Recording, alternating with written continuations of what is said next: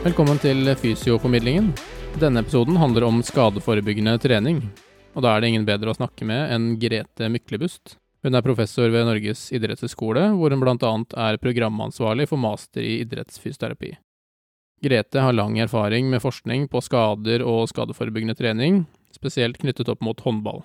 Selv har hun spilt håndball på elitenivå, og har lang erfaring som fysioterapeut for landslag innen håndball, fotball og sandvolleyball. I denne samtalen så går vi i dybden på hva vi vet om skadeforebyggende trening, f.eks. i hvilken grad og hvorfor skadeforebyggende trening funker. Til slutt så diskuterer vi også hvordan man skal få forskningen ut i praksis, noe Grete har jobbet eh, mye med, bl.a. gjennom skadefri.no. Jeg sitter på Norges idrettshøgskole, og det er eh, sol og nydelig vær ute, så da er det en fin dag å sitte inne på og lage podkast. Sammen med meg sitter Grete Myklebust. Takk for at du stiller opp i podkasten i dag. Bare hyggelig. Vi skal snakke om eh, skadeforebyggende trening som en sånn hovedtema. Og der er jo du virkelig en foregangsperson, så det gleder jeg meg til. Jeg tror vi har mange fine emner foran oss i dag. Men jeg vil at du starter med å fortelle meg litt om idrettskarrieren din, for du har også spilt håndball. Det stemmer det. Jeg har spilt håndball fra jeg var 13-14 år, og syns vel det var helt fantastisk. Det var liksom toppen av lykke å drive med håndball, og spilt um, på mange lag, som uh, man ikke anbefaler så mye i dag, men jeg gjorde nå det, og spilte elitehåndball i ganske mange år. Um, og så ble jo avslutninga på min karriere en korsbåndskade, um, hvor jeg egentlig hadde begynt å trappe ned, men så skulle jeg hjelpe laget, så jeg spilte, og så tok jeg korsbåndet. Det som var fascinerende rundt det, var jo at jeg ble jo et nummer i min egen statistikk, for når det skjedde, så hadde jeg starta en undersøkelse for å finne ut forekomst av korsbåndskader i norsk eh, kvinne- og herrehåndball. Så mm, det ble jo en eh, underlig variant i forhold til min, min eh, håndballkarriere, da, men den knytta seg kanskje godt sammen med fritid og jobb etter hvert. Så mm, håndball har alltid vært viktig, og det er vel i og for seg min favorittidrett også i dag. og jeg gir meg jo ikke, jeg jobber jo videre med det. Så håndball er en fantastisk idrett og har gitt så mye glede. Husker du det øyeblikket når du skada deg? Hvordan var det? Ja, det glemmer jeg aldri. Det var en um, dobbeltfrosk. Uh, og det var i den landinga før jeg skøyt og fikk noe mål, men i den landinga så hadde jeg fått en dytt, så jeg kom ut av balanse, og da Jeg bare hørte lyden, og jeg visste jo akkurat hva det var. Så det var Det var nedtur, men jeg fikk mål. Ja. Du skjønte det med en gang at du hadde fått en ja, korsbåndskade? Ja, jeg jobba jo klinisk med ja. den type pasienter da òg, og hadde jo hørt historiene om hvordan det skjedde, så ja, jeg visste Jeg var veldig klar over hva som hadde skjedd. Hvordan var perioden etterpå? da? Hvordan var rehabiliteringa for deg, som også jobba klinisk? Du vet, Da ble en operert uh, kjapt. Så jeg ble operert to-tre dager etter skaden. Uh, og gikk da med en ortose i tre måneder, dag og natt som er helt uh, håpløst i dag. Så det var ganske krevende, for å si det sånn. Og, uh, å ha skinne på om natta ikke sant? med noe sånn neopren under, så det var jo så varmt at det kunne jo bli gal, men uh, Stivna skikkelig? Ja. Men altså, bevegeligheten kom seg. Jeg hadde, gikk til en flink fysioterapeut. Jeg var jo nødt til å liksom, bestemme meg for at jeg ikke skulle styre det her sjøl, så jeg gikk til Knut Jæger Hansen på Nimi. Jeg jobba jo på Nimi, så, så, det gikk fint. Og kneet ble bra, det. Absolutt. En privilegert eh, pasient på et vis, da. Ja, jeg var heldig med det. det er bra. Åssen var overgangen til eh, Du var jo allerede litt inne i det, som du sier, men overgangen til akademia og ikke minst doktorgradsprosjektet ditt, som handla om ACL-skader. Kan du komme inn på, på den delen? Det, det, var jo egentlig en lang reise, fordi at uh, jeg jobba jo som kliniker og har vært kliniker hele tida, under hele reisa mi, og syns det å kombinere praksis med pasienter og forskning er utrolig viktig, fordi da får du mer liksom praksisnær forskning.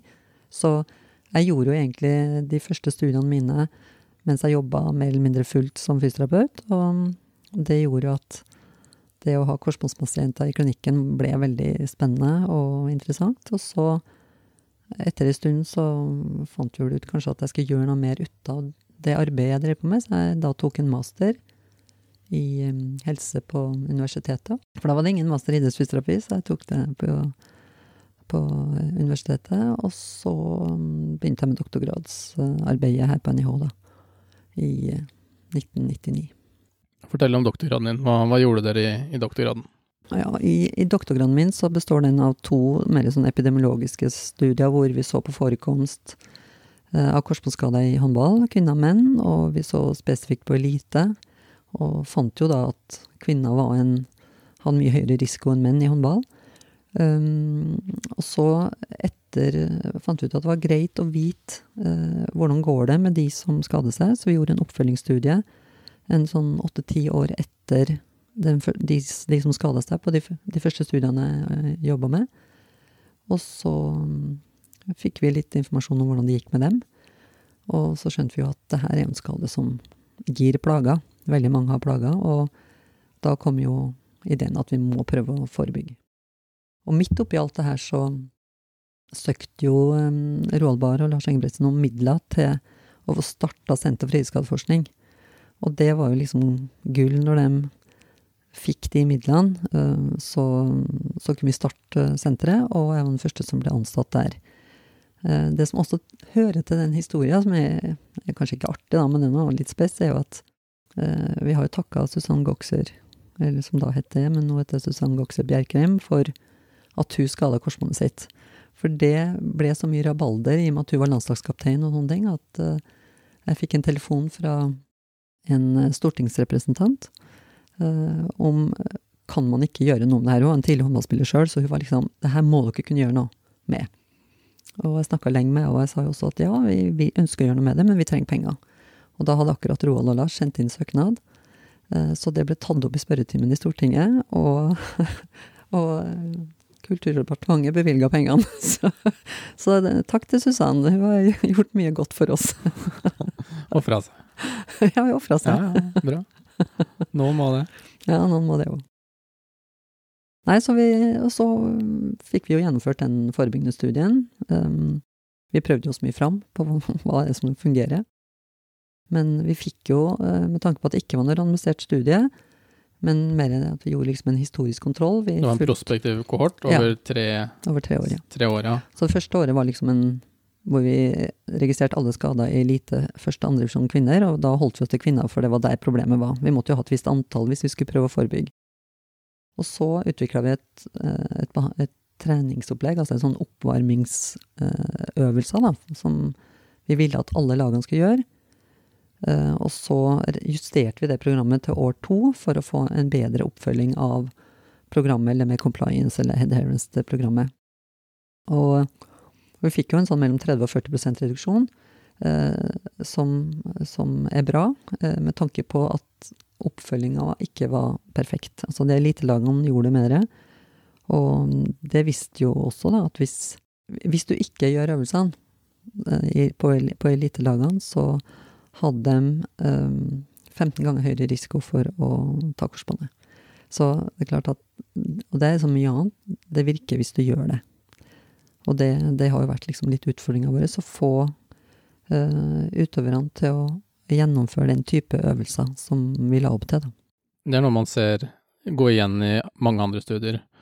På ja, fotball, håndball, skulder, ACL. Alle går igjen det samme. De som gjør det, de har bedre effekt. Så det, det er en sånn dose-responsforhold der. Det er absolutt det. Så, uh, og når vi tenker på at dosen er egentlig ganske lite for at du får effekt, så er det jo at det overrasker meg veldig at ikke det blir gjort mer. Eh, men vi ser liksom, altså bare gjennom alle de årene jeg jobba med det, så ser vi at nå at det er en enormt skifte i holdning til den type trening. At folk ser noe mer på det som en del av en oppvarming, eller del av, del av en styrkeøkt, f.eks., og tenker at dette må vi ha med, fordi den blir bedre utøvere. Altså den blir, presterer bedre. Og i tillegg så har du fordelen med at du får færre skader. Jeg har lyst til at vi går litt i detaljer på hvordan dere jobba med å utvikle det spesifikke øvelsesprogrammet. For hvilke øvelser brukte dere i den intervensjonssesongen, og hvordan, hva var det vitenskapelige rasjonalet bak de, da? Ja, altså vi, vi ble veldig um, inspirert av en, en, studie, italiensk studie på menn, uh, som så, hadde klart å lyktes med å redusere korsmålsskade i italiensk herrefotball på en egentlig en sånn mirakuløs måte, med veldig stor reduksjon.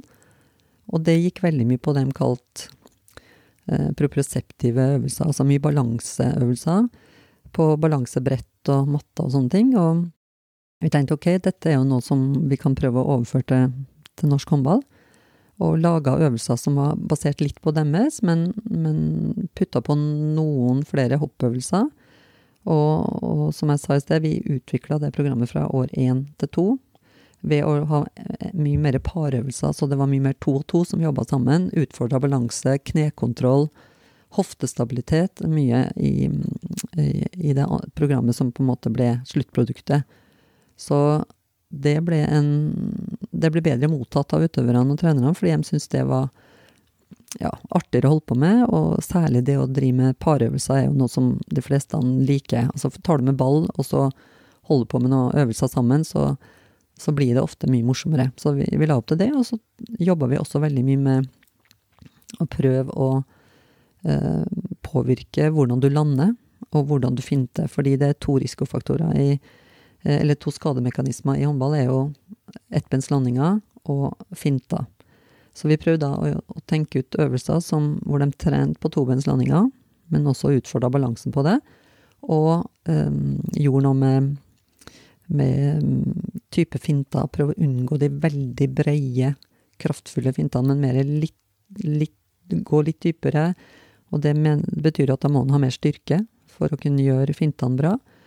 Og, og, det er jo noe som fortsatt har vært utvikla. Folk tenker mer på tobenslandinger, og de tenker litt mer på hvordan fintene blir gjort.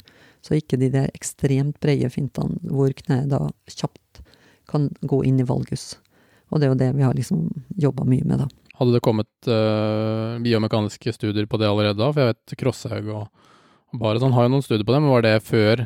Det her var, var, litt før det var liksom ut fra de dataene vi hadde på, på de um, skaderegistreringsskjemaene våre, uh, så var, var liksom 60-70 skjedd i finta, og en 30% ca. 30 i ettbenslandinger. Så vi visste at det er to skademekanismer vi må, måtte prøve å ta tak i. Og når, når, vi så på video av de skadene, så hadde de altså så brede finter at det, det, kneet hadde ikke noe annet ved å gå enn å gå innover. Og hvis da foten satt fast, ikke sant, så blir det svake punktet knellet det. Så, så, det var de, de, studiene som viser at dette det, her er riktig, det kom jo etter at vi gjorde en svær risikofaktorstudie på, her på NIH. Hvor vi testa alle fotball- og håndballjentene uh, før, en, uh, før, en, sesong. Og så fulgte vi de, alle de lagene, altså ca. 800 spillere, til en eller annen av dem da tok korsbåndet. Og, og, der får vi jo fram at, det å gå inn i valgus, det er ikke noe særlig heldig. Så det, det gjør at å prøve å påvirke hvordan fintene blir gjort, og at den er sterk nok til å gjøre gode finter uten å gå for bredt, er positivt. Og ettbenslandinger er jo naturlig. Altså, hvis du fordeler vekta på to bein når du lander, så er det jo mindre krefter som virker. Så det er jo egentlig ganske innlysende at det kan ha en effekt. Så det er på en måte en ganske sånn mekanisk rasjonale bak mye av øvelsen. Men også noe med Det er jo et element av bevegelseskvalitet i det. Du snakker om hoftestabilitet, knestabilitet. Det jeg lurer på er, Kan man måle måte, om, om dere klarte å få til det? For det er jo veldig komplekst å skulle måle hva er god bevegelseskvalitet? Det er jo ikke et spørsmål man nødvendigvis klarer å svare på, da. Så blir det mer en hypotese enn at man får testa det, eller hva, hva, tenker du om det? Ja, nei, Det er jo kjempevanskelig. Altså, hvis vi skulle kunne vist at, at det ble noen endringer i måten folk finta og landa på, så måtte vi ha filma alle kamper, alle treninger. Altså, det, det, er ganske vanskelig å gjøre. Og, og de målene som går på på uh, altså propriosepsjon og alt det der, det er ikke så lett å gjøre, men det er jo studier som har visst at det å få aktivering av muskulaturen uh, at, Altså litt av effekten av den type trening, uh, forebyggende trening som øvelsene er, gir en aktivering av spesielt mediale hemstrings. Og mediale hemstrings kan da være med å altså, bli preaktivert sånn at når du setter finte, så den muskelen på, og da er det med på å redde deg fra å havne inn i en valgusposisjon. Og det er jo studier som har bekrefta, flere studier som har bekrefta at den type øvelser som de forebyggende programmene eh, inneholder, gir en preaktivering i forhold til dem som ikke gjør det. Og da er det kan du si, da viser det jo at du får fyra på muskulatur som er viktig å ha fyra på. Et annet element som jeg lurer på, er jo at man tar uh, enkeltøvelser. Um, jeg har sett noen videoer, blant annet du har en fin forelesning på YouTube som jeg skal linke til i, i episodebeskrivelsen, hvor du viser en del video uh, og snakker om disse øvelsene. Der ser man det er noen øvelser på balansematte. Så tenker jeg på um, overføringsverdien fra en dynamisk kampsituasjon til disse enkeltøvelsene. Hvordan har dere tenkt på oppbygging av program i den forbindelse. Og dette, gjelder jo også Fifa 11 pluss og skulderprogrammet til eh, OSTRC. Mm. Hvordan, du har jo vært med å, å utbygge flere sånne skadeforebyggingsprogrammer. Hva tenker dere rundt spesifisitet og, og sammenheng kamp-trening? Vi tenker jo at veldig mye av det programmene er, gir en aktivering, altså fyrer opp muskulatur, som gjør at du er klar for å gå på mer intense øvelser. Uh, sånn at Uh, og vi tenker også at vi skal liksom få tak i all type muskulatur som er relevant, og ikke bare tenke f.eks. For, for skulder, forside. Hvor en har lett for å tenke på kast, så er det liksom forsida en bruker, men baksida er jo viktigere, fordi det er jo den som skal jobbe eksentrisk og være med og hjelpe til styringa. Så det har, veldig mye går nok på at øvelser som blir lagt opp i sånne program, skal gjøre deg forberedt til det idretten din krever enten det er fotball, håndball eller alle typer idretter, som har spesifikke krav, og da må vi på en måte utfordre de kroppsdelene og de, de muskelgruppene, både i forhold til bevegelighet, eh, styring og gjerne da altså balanse, styring og, og um, styrke, for å få den muskulaturen til å være klar for det, det en trening eller eventuelt en kamp uh, krever. Så nå prøver vi å jobbe med å lage litt sånn spesifikke litt sånn forslag på oppvarmingsprogram, både for etter hvert hånd, altså håndball jobber vi med nå, også, også, for fotball, og det finnes det jo mye av allerede. Men lag liksom en sånn pakke med øvelser eh, som, som, trenere kan gå inn og dette, det her er fint å bruke. Og så kan du få øvelser som du kan putte ut for å få variasjon. Men da tenker vi for en håndballspiller, hva, hva må til? Jo, du må ha, få i gang alle store muskelgrupper. Hofte, skulder, eh, ankel, kne. Altså alt må liksom være klart for høy aktivitet, og da legges programmet opp til å bygge opp den, de kravene, sånn at du er klar for spurt og raske vendinger og brå stopp og alt det der. Så du tenker at det er ikke mm, det at man varmer opp som er viktig, men du tenker at det er en stor verdi i hvordan og de spesifikke øvelsene er, er vesentlig. Ja, jeg tror det er veldig viktig å tenke hva er det den idretten du jobber med, trenger? Altså hva slags bevegelsesmønster er det som er kjennetegnet den idretten? Og da må man gjøre kroppen klar for å kunne yte opp mot maksimalt i den idretten. Og da holder det ikke bare å jogge frem og tilbake.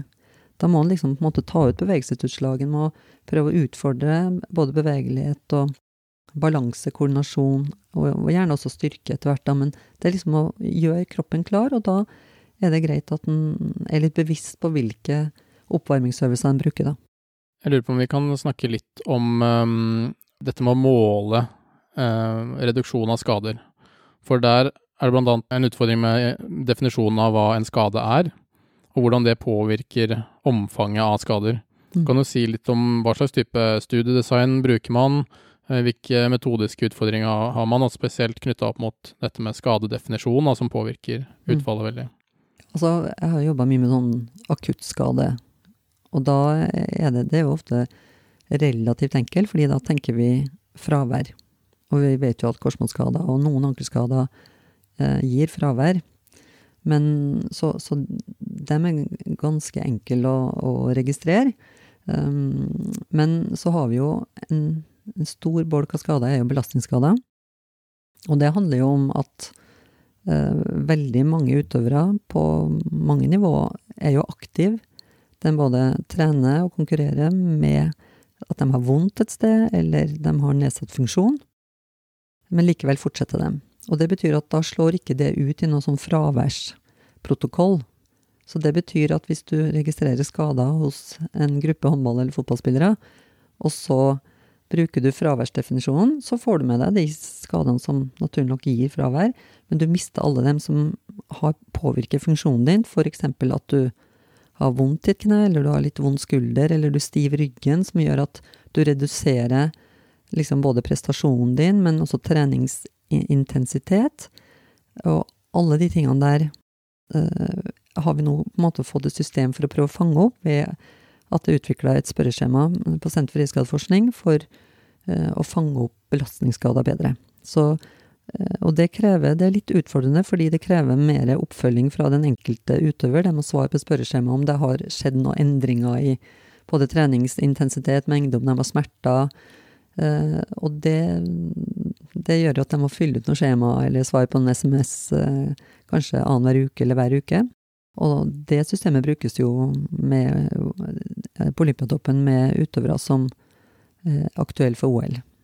Og da får du jo virkelig fulgt opp utøverne på svingninger i forhold til ulike kroppsdeler. Altså hvis de har en skulder som begynner å gi lyd fra seg, skulle du si, så vil jo det bli fanga opp på et sånt spørreskjema. Og da kan du gjøre noe med det før det blir et ordentlig stort problem, hvor du da kanskje også får fravær. Så brukes det både som en kontinuerlig screening generelt, utenfor studier også? Ja. Mm. Så, så, så, på Olympiatoppen så bruker de det på alle OL-utøverne, at de skal fylle ut et sånt skjema, og det tror jeg ukentlig, ellers annenhver uke. Det har vært litt variert, men det blir jo veldig brukt. Noe blir jo brukt til studier, men, men, samtidig så er det den, den daglige, ukentlige kontakten mellom helsepersonellet og trenerne og utøverne, så at du kan virkelig ha en veldig god kontroll på å styre treningsbelastning på utøverne bedre. Du gjennomførte jo en uh, treårig prospektiv kohort i din doktorgrad, men uh, hva kan vi si om uh, kvaliteten på studiene som nå gjøres på skadeforebyggende trening? Har det vært en endring, har du sett noe forskjell? Hva slags evidensgrunnlag har man metodemessig, da? Kan du si, en kan jo kritisere den studien som vi gjorde da, på korsbåndskade, at det var jo en, eh, en prospektiv kohorte. Det var eh, ikke en randomisert studie. Som det er klart det er en styrke å gjøre randomiserte studier, for da har du en kontrollgruppe som ikke får samme opplegg som eh, intervensjonsgruppa. Eh, vi tenkte jo sånn at uh, hvis vi skulle gjort det, så hadde vi måttet bruke Sverige eller Danmark, og vi hadde ikke økonomi til å gjennomføre det, og hadde dem som altså randomisert med dem. Så det at det i dag gjøres randomiserte studier, uh, forebyggende studier, er jo kjempefint, men det er ekstremt krevende. Uh, både tids- og økonomisk og personellmessig. Så um, de som klarer å gjennomføre det, det er imponerende. og vi har jo klart å gjort det her på senteret. I etterkant av min studie, hvor vi gjorde den på ungdomshåndball, og vi har gjort det på fotball, jentefotball, og vi har gjort det på skulder. Så, så det er veldig mye bra studier som gjennomføres, men nå er vel tanken sånn at vi vet så mye hva som fungerer, at hvorfor skal en repetere sånne studier igjen og igjen, når vi vet faktisk hva som, som fungerer? Så utfordringa mer enn nå er jo å lande hvilke type øvelser er det som er viktigst. Og er, der er vi jo ikke i havn ennå. Men det er i hvert fall noe vi, vi eh, jobber med, og prøver å finne ut er det noen øvelser som er viktigere enn andre. Så vi kan korte ned på det som går på ren kan si, forebyggende trening. da. Stig Andersson gjorde jo en svær cluster-randomisert studie mm. på var det 660 spillere. Mm. Og der uh, skriver han jo litt om det du nevner med at han brukte risikofaktorer som utgangspunkt for programmet. Um, hvilke tre risikofaktorer var det, husker du det? Ja, det gikk jo på nedsatt utarotasjonsstyrke, skapelig skapula dyskinesi og total bevegelighet i skuldra.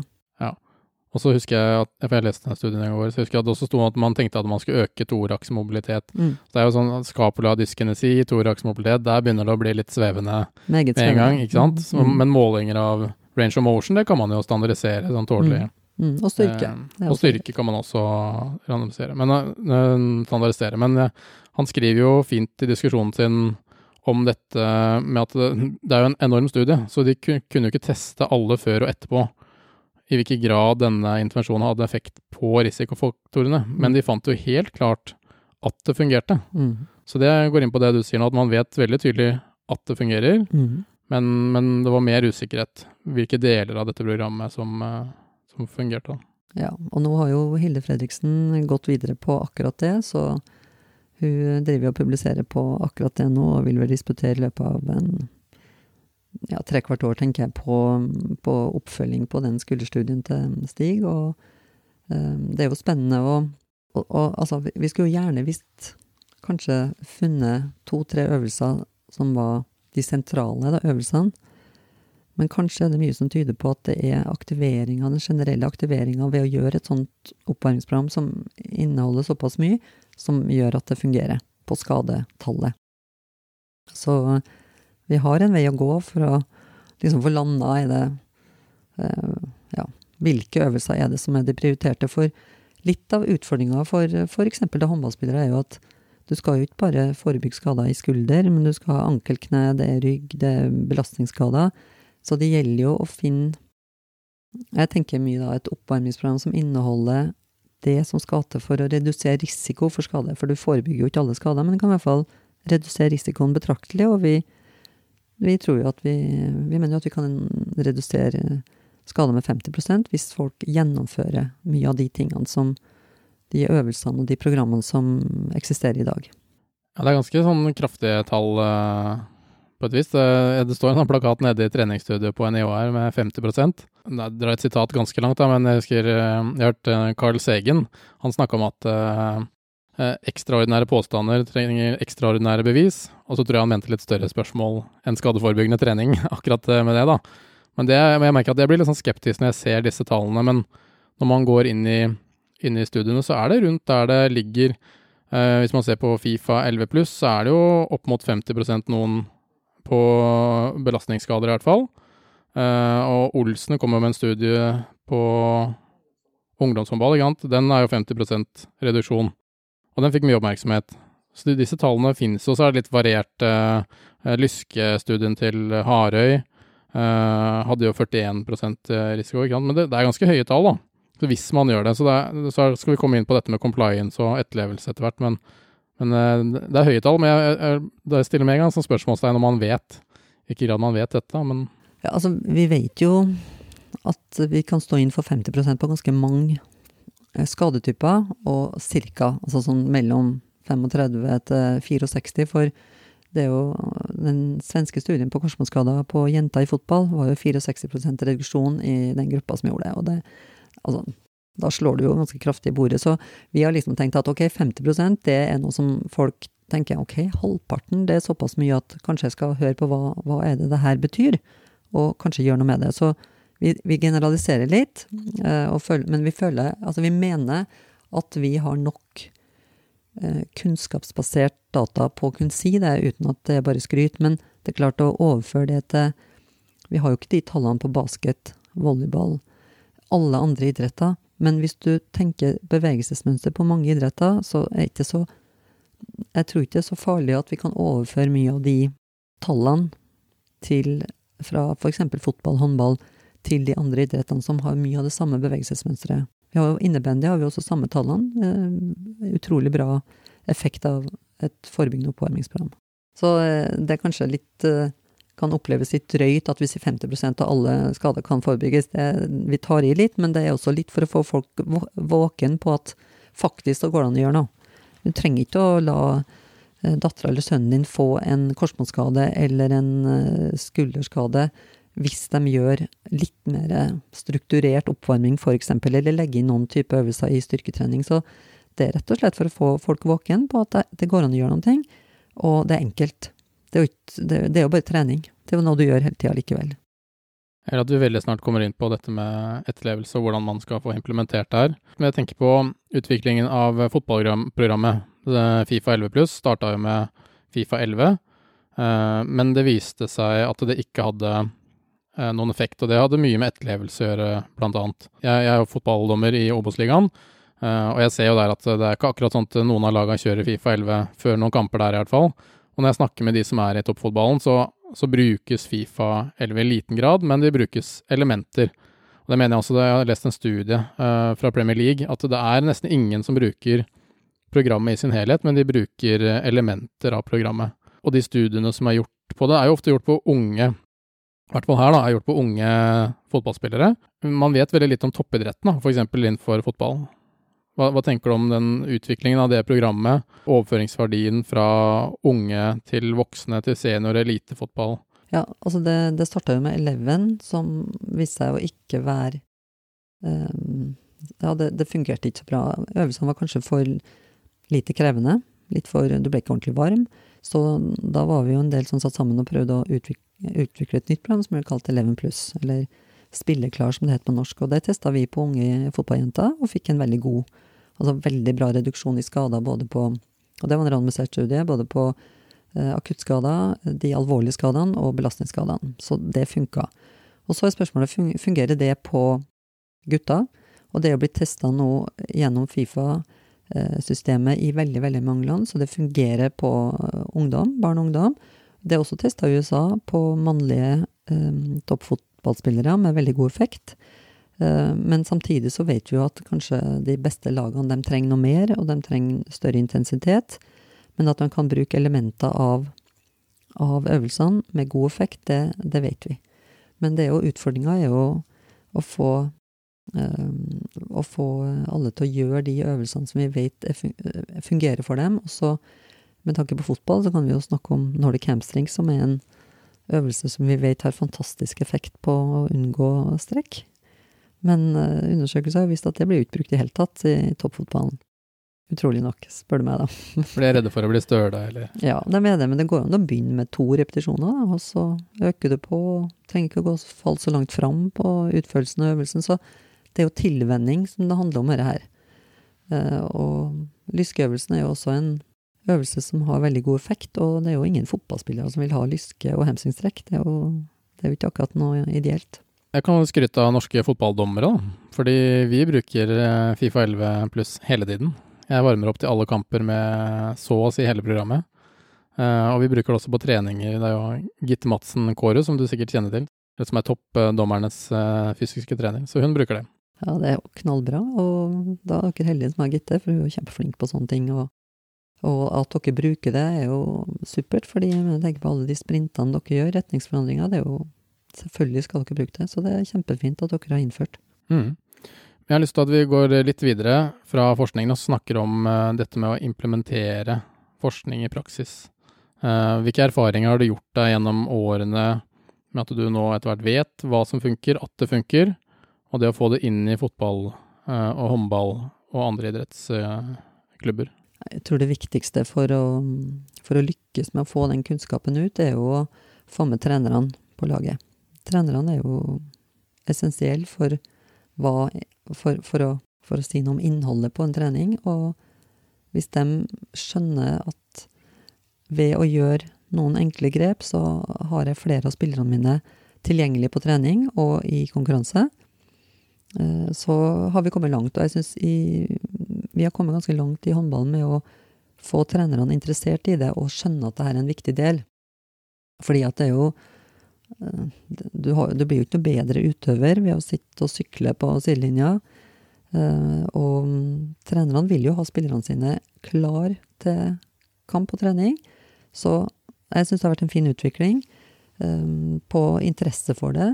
Så jeg tror jo at det å nå ut til trenerne er viktig, og det har vi jo klart i og med at vi har, altså vi har spilleklar som Nei, skadefri, Eh, som er både nettside og en app, da. Og, og den gruppa nå som jobber med å få implementert ut den kunnskapen vi har, dem, der har vi jo liksom jobba på fire områder. Fordi skadefri er jo en nettside som inneholder veldig mye informasjon om hvordan du kan behandle en skade, hvordan du akuttbehandler en skade, og tiltak for hvis du vil unngå en skade. Altså forebyggende program. Og det har vi jo for laga for alle olympiske idretter, så der ligger det program for alle de idrettene, pluss flere som er blitt kobla på nå. Og så har vi den appen som inneholder altså videoer for alle de idrettene for ulike kroppsdeler. Og mm, vi har jo jobba veldig for å få Skadefri-appen og Skadefri-nettsida kjent. Og så var vi heldige og fikk midler fra mm, Sparebankstiftelsen DNB, eh, og fikk eh, ansatt eh, tre personer som nå jobber med formidling for å få det her ut. Og da jobber vi på, på fire nivå. Det ene nivået er å gjøre noe med trenerutdanninga, påvirke den. Jeg må hjelpe dem til å lage trenerutdanninga med innhold fra Skadefri så at vi får kunnskap om skadeforebygging ut. Det andre er at vi har utvikla klubbkvelder, så at norske klubber rundt omkring i landet kan eh, få en fysioterapeut som kan kommer og, og holder en sånn klubbkveld med, med teoretisk og praktisk eh, info om skadeforebygging. Og eh, det tredje er at vi er i samarbeidet med idretts- ungdomsskolene og idrettsgymnasene om tilrettelegge undervisning som gjør at utøverne blir flinkere til å ta vare på sin egen helse. Og det fjerde området er jo sosiale medier. At vi har liksom fått en som jobber mye med det. Så nå vi, øker vi veldig på Instagram, og det, ja, det er veldig bra. Og Facebook er vi også på, og litt på Twitter. Men, men, men veldig mye på Instagram, hvor vi når veldig mye av de unge utøverne, og det er jo kjempeviktig. Jeg ser dere legger ut ukens øvelse jevnlig. Ja, og det er jo sånn det, Og ofte så har vi eh, noen kjente utøvere som viser det, andre er det yngre utøvere som viser det, og det er jo noe som jeg tror jeg kan inspirere mange unge, da, sånn at de kan ta litt tak i det sjøl også, men, men, selvfølgelig også få trenerne til å ha lyst til å, å bruke den type øvelser. Det er et um, sitat i en artikkel som du har skrevet uh, om hva dere har lært. Uh, important lessons learned fra deres ACL-studie. Hvor det står annet at dere endra teksten på skadefri uh, fra at man Det er noe sånn at man kanskje kan forebygge 50% til at man kan. Dette med tydeligheten av budskapet. Og der siterer dere Heath-brødrene, som har skrevet en bok som jeg har lest, faktisk. og den er veldig bra. Den har en del fine poenger som jeg syns man kan trekke fram. Eh, sånn grove trekk så handler det om at de eh, sier dette med at det holder ikke med at man bare vet at noe funker, men du må treffe følelsesmessig med en intervensjon for å endre atferd. Det holder ikke at man bare vet at noe funker. Og det handler annet om å fokusere på det positive. At man snakker f.eks. om prestasjon versus skader, og det er det du har snakka om nå. At man på en trenerutdanning kan snakke om prestasjon og ha spillerne tilgjengelig, kontra å snakke skadeforebygging, for det kan jo høres litt kjedelig ut for mange. Og så er det dette med å De skriver om dette med at hvis man møter motstand, så er det ofte liksom mangel på tydelighet. Det er ikke det at folk ikke vil endre seg, men det er det at de, de ikke vet helt hva de skal gjøre. Så jeg syns at dere treffer veldig på mye av den jobben dere har gjort og gjør, sånn sett utenfra. Eh, med at man har tilgjengelig informasjon, moderne kommunikasjonsmidler, fokus på sånn enkelt og tydelig budskap. Og så så jeg at du, dere fikk noen landslagsstjerner under eh, OL, var det det, til å lage videoer hvor de viste øvelser. Så det, dette med at man, man, Vi er jo flokkdyr, så vi følger jo flokken og forbildene våre. Så er, jeg bare merker at det er veldig mye dere treffer på uh, som uh, Chip og Dan Heath eh, skriver om i denne boken om atferdsendring. Ja, og det har jo vært altså, utfordringa hele tida, at liksom, vi er overbevist om at det virker, men hvordan selger vi inn det budskapet så at det blir lytta til? Og da må vi på de moderne kanalene, vi må få ungdommen med, og på deres måte. Så derfor har vi ansatt en ung en som kan det.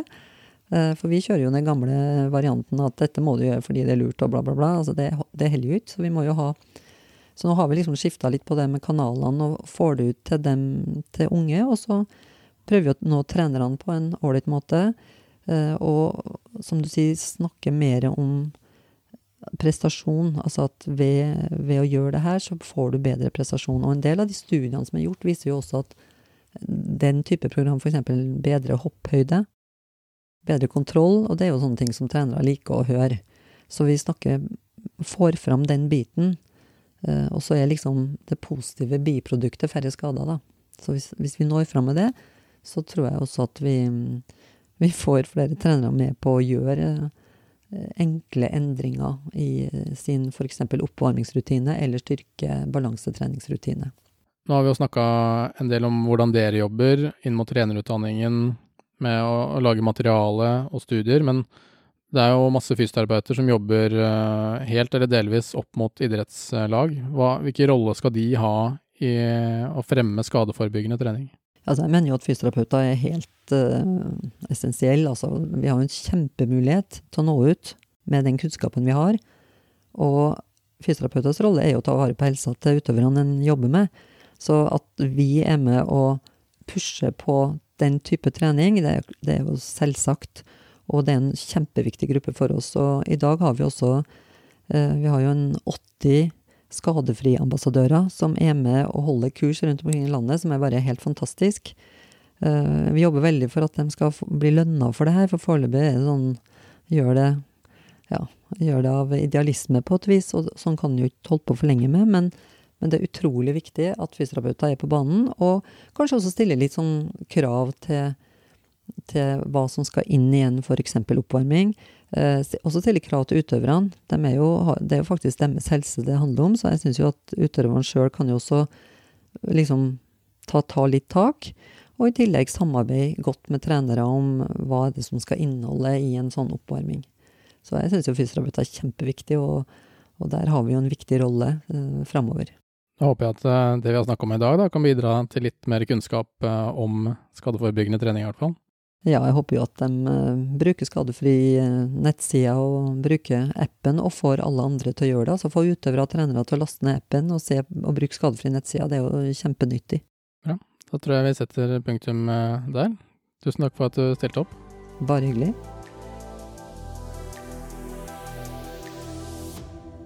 Hvis du likte denne episoden, del den gjerne i sosiale medier, og gi meg en anmeldelse i din podkastspiller. Tips til temaer som du ønsker å høre mer om, eller andre tilbakemeldinger, kan sendes til kontakt at moenfysioterapi.no.